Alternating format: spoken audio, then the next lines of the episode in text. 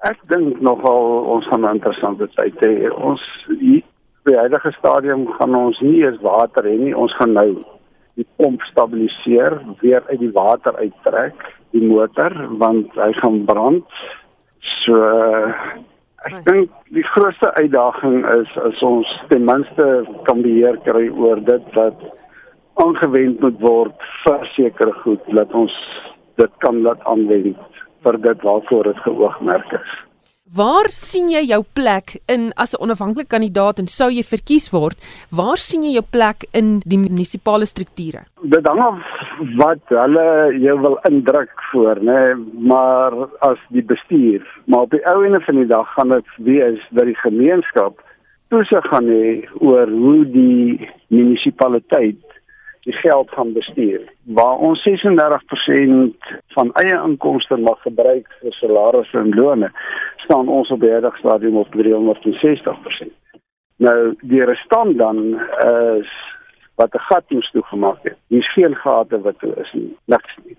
Want daai fondse word gebruik vir salarisse en lone.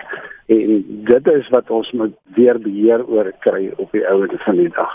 Daar's baie mense wat sê dit gaan moeilik wees vir onafhanklike kandidaate om kop of ster te maak in 'n munisipale omgewing waar almal in politieke partye behoort en die politieke partye die meerderheid stem met ensovoorts. Eh, wat doen jy gevoel daaroor?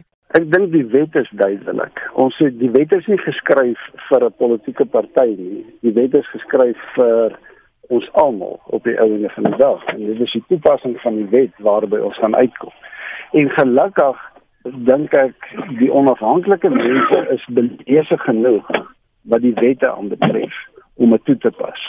Was jou doel en aspirasie, jy weet, om uiteindelik in die munisipaliteit op te eindig? Nee, dit was nie, maar regtig, ons moet 'n toekoms bou vir ons kinders, nee, en en ons moet iets vir ons kinders kan gee op die einde van die dag. En die vervallendheid en dit is altyd maklik om vir almal te sê, kyk wat word gedoen, maar niemand is daar om die gat toe te maak nie.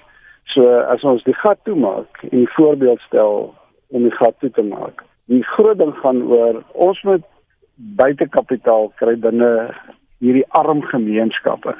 En 'n ou kan dit alleenlik doen as 'n dorp skoon is.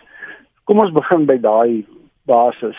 Kom ons kry skoon dorp en ons wys vir die mense ons is trots. Dit gaan oor eienaarskap. Hoekom het ek 'n huis in die dorp as ek nie eienaar is daarvan nie? maar ek is 'n eienaar op 'n papier by die bank want hy staan vir my pa versekerde goed. Maar ek dink ons kan eienaarskap vat op die einde van die dag weer terug.